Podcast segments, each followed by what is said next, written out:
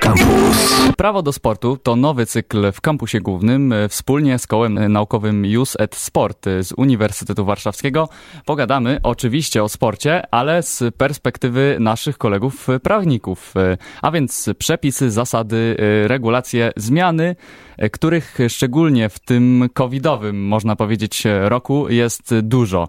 Z nami w studiu Tomek Kapica. Cześć. Cześć, cześć. No właśnie, i dziś e, pogadamy o zmianach w Formule 1. Jak niektórzy mówią, to są rewolucyjne zmiany, bo ma się zmienić bardzo dużo. Zmiany były planowane już e, od dawna e, w zasadzie i poczynając od chociażby bolidów, kończąc na regulacjach finansowych. No, zmieni się powtórzę, no, du- dużo.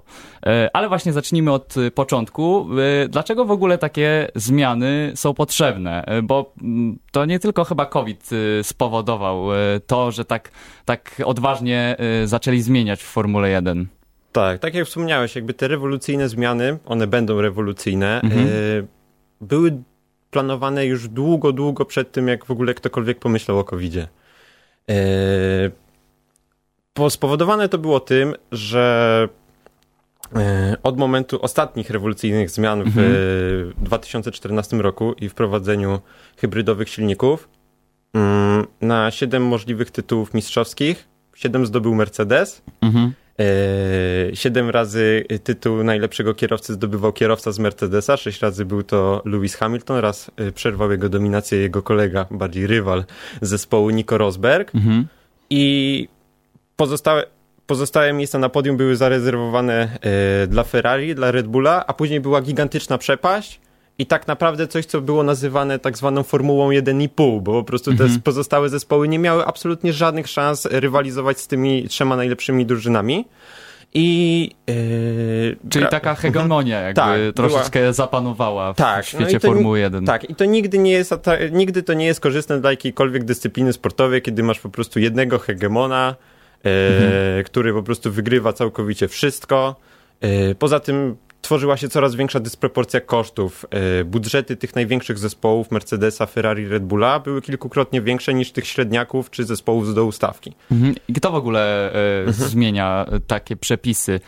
Jaka organizacja? E, To jest, mm, to są zawsze jakby regulacje wspólne. Na to wszystko, mus, na, na wszystkie regulacje zawsze muszą się zgodzić wszystkie, wszystkie 10 zespołów i uzgadniają to z władzami Formuły 1, a także z FIA, czyli Międzynarodową Federacją e, Motorsportu. Mhm. No, a może przejdźmy już Mhm. e, do ko- konkretów, bo tych zmian jest naprawdę sporo. No i pierwsze, co można przeczytać, e, co się wydaje trochę dziwne, że właśnie samochody mają być cięższe i wolniejsze.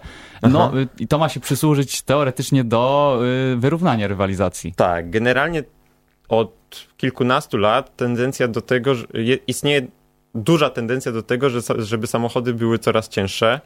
E, Kiedy sobie porównamy samochody z tego roku z samochodami sprzed 15 lat, to one naprawdę to jest jakby 150% wagi tego, co było. Mhm. One są znacznie dłuższe, znacznie szersze. A to jest przez to, że jest więcej tam napakowane różnego sprzętu? Czy to są Mm. jakieś regulacje bezpieczeństwa? Czy...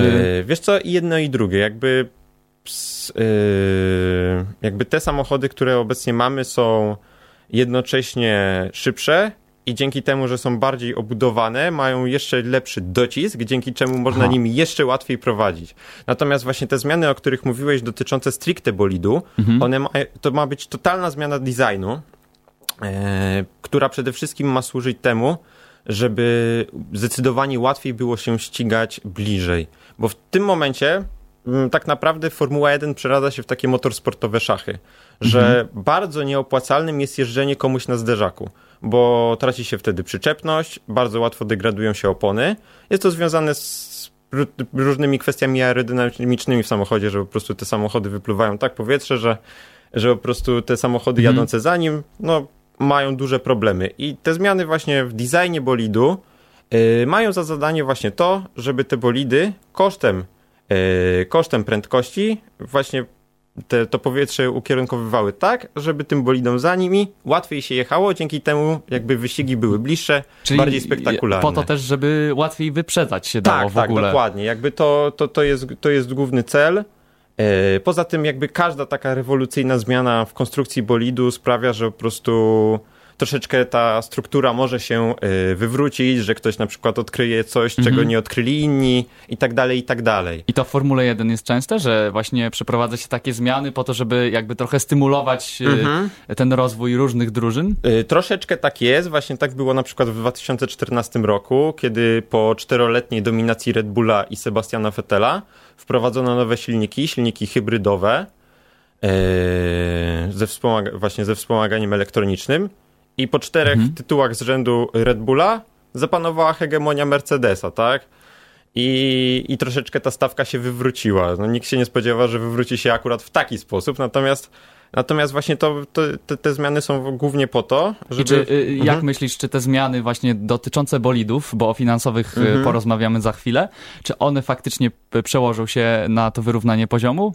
Y, Powiem ci tak, w sprzężeniu z pozostałymi zmianami, o których zaraz, zaraz powiemy, właśnie zmianami bu- y, budżetowymi i zmianami e, dotyczącymi przygotowywania samochodów, w szczególności przygotowywaniu w tunelach aerodynamicznych, to jest taka możliwość. Mhm. No Tak. to, y, to jest y, w sumie chyba pozytywna informacja, bo im Tak, e, właśnie bardziej zacięta będzie ta rywalizacja, Mhm. tym lepiej dla kibiców. y, No ale właśnie federacja przygotowała jeszcze wiele zmian, przede wszystkim te finansowe. One budzą, budzą największe kontrowersje, co rzuca się w oczy. To, to teoretyczne 175 milionów dolarów na zespół, czyli ten taki ścisły regulamin finansowy, który ma e, i po prostu no, utrudnić życie bogaczom. Mhm, mhm, tak. E, Generalnie w tym momencie nie ma żadnych limitów finansowych. Dotychczas nie było żadnych limitów finansowych i dysproporcja pomiędzy zespołami była gigantyczna. Tak? Mercedes miał budżet na poziomie e, 470 milionów dolarów. Williams, najsłabszy zespół w stawce, ma, miał ten budżet około 100, na poziomie około 120. Więc no, różnica jest gigantyczna i z taką przewagą można zrobić wszystko.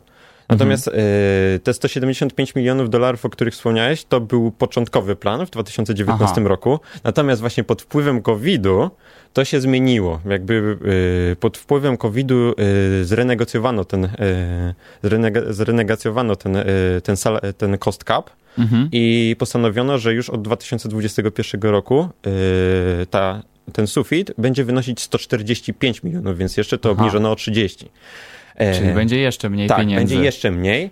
Natomiast y, ważnym takim disclaimerem, y, mówiąc o tym, o tym limicie budżetowym, jest to, że z niego wyłączone są zarobki kierowców wyścigowych, trzech najważniejszych pracowników w zespole, trzech najlepiej opłacanych. Zwykle to jest szef zespołu, dyrektor techniczny i ktoś jeszcze. Oraz koszty marketingowe, więc wiadomo... Czyli reklamy, tak? Czyli Tak. pieniądze za reklamy będą wyłączone z E, Tak, tego. jakby cały, cały marketing zespołu, który wiesz, e, sobie tam gener, y, tworzy wszelkie akcje reklamowe e, zespołu, no one są wyłączone.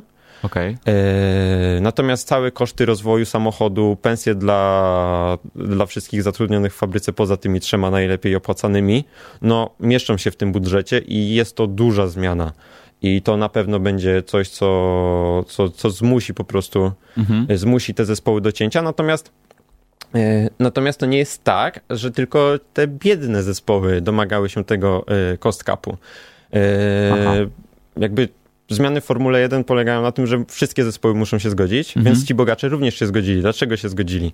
Chociażby Mercedes był w takiej sytuacji, że wydając te kilkaset milionów euro, y, dolarów, Mhm. no to kierownictwo na samej górze, tak, kierownictwo całej grupy Mercedes-Benz powoli się zastanawiało, dobra, ale czy to nam się opłaca, tak? No czy, właśnie, czy... bo my wydajemy wydaje- cały czas wygrywamy, Tak, ale po co, wy- czy tak. musimy tyle wydawać, Tak, czy nie moglibyśmy tak. mniej? I były głosy o tym, żeby na przykład, wiesz, przejść do takiego schematu, że wycofujemy swój zespół fabryczny, produkujemy dalej silniki e, topowym zespołom, tak jak się na przykład to działo na początku XXI wieku, Mhm. czyli przez to zespół, zespół z nazwą Mercedes dalej będzie w czołówce, a my nie będziemy tyle siana płacić, tak? Czyli to może coś zmienić, to zredukowanie Tak. e, tych kosztów. Tak, myślę, że to w, w połączeniu z tym, y, że w 2022 będzie ta rewolucja, y, rewolucja właśnie pod kątem budowy samego bolidu, no da dużo, ponieważ jakby mając mniej pieniędzy, masz mniej środków na to, żeby po prostu, wiesz, wyszukiwać odpowiednich ustawień, Mhm. wyszukiwać odpowiedniego sposobu zbudowania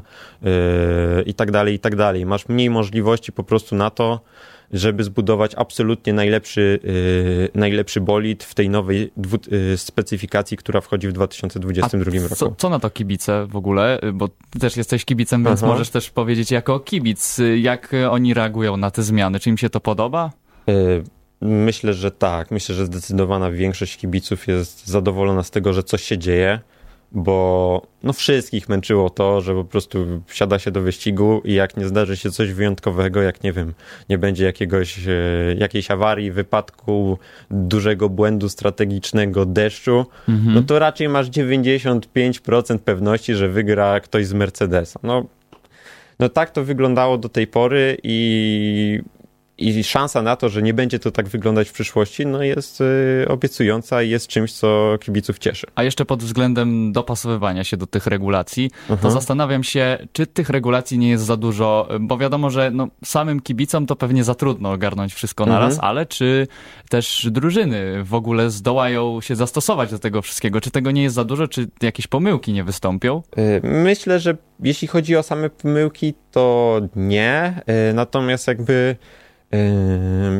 szczególnie w pierwszym sezonie myślę, że część bolidów nie będzie taki, taka totalnie optymalna, że po prostu no, nie wykorzysta się wszystkiego. Tak na przykład y, jakby wykorzystywanie jakichś dziur w regulaminach, jakichś właśnie takich y, obchodzenie tych regulaminów i tak dalej, wyszukiwanie czegoś, czego nie wyszukał nikt inny, no potrafi dać gigantyczną przewagę. To taki przykład z 2009 roku, gdzie y, powstała na bazie Hondy zespół Brown GP, który debiutował w Formule 1 w 2009 roku, oprzedł przepisy dotyczące tak zwanego podwójnego dyfuzora, przez co miał jakieś no totalnie, totalnie, totalną przewagę Aha. w, w aerodynamice i wygrał sezon.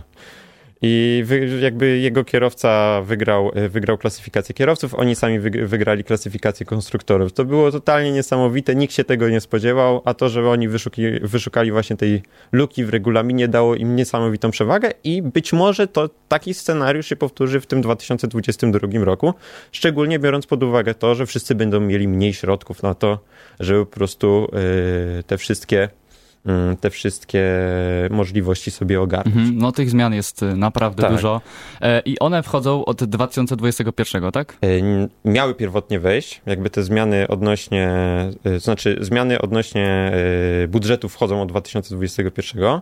Zmiany odnośnie y, samych samochodów, designu też miały wchodzić od 2021. Y, Natomiast y, w związku z COVID-em zdecydowano się właśnie przenieść to na 2022 rok, żeby dać zespołom faktycznie więcej czasu. Mhm. I w związku tym, z tym też za, zamrożono rozwój większości części na 2021 Okej. rok, żeby jakby też zespoły mogły trochę pieniędzy zaoszczędzić, trochę czasu, energii, żeby nie musiały się tak żyłować na ten, na, na, przyszło, na ten najbliższy sezon. Czyli my też mamy trochę czasu, żeby te, wszystko, te wszystkie Tak. zasady ogarnąć. Dzięki wielkie za rozmowę. Z nami był Tomek Kapica z Koła Naukowego Use et Sport przy Uniwersytecie Warszawskim. Dzięki wielkie. Mm, A na antenie Radia Campus z cyklu Prawo do Sportu wyczekujcie w każdy ostatni piątek e, miesiąca. Radio Campus.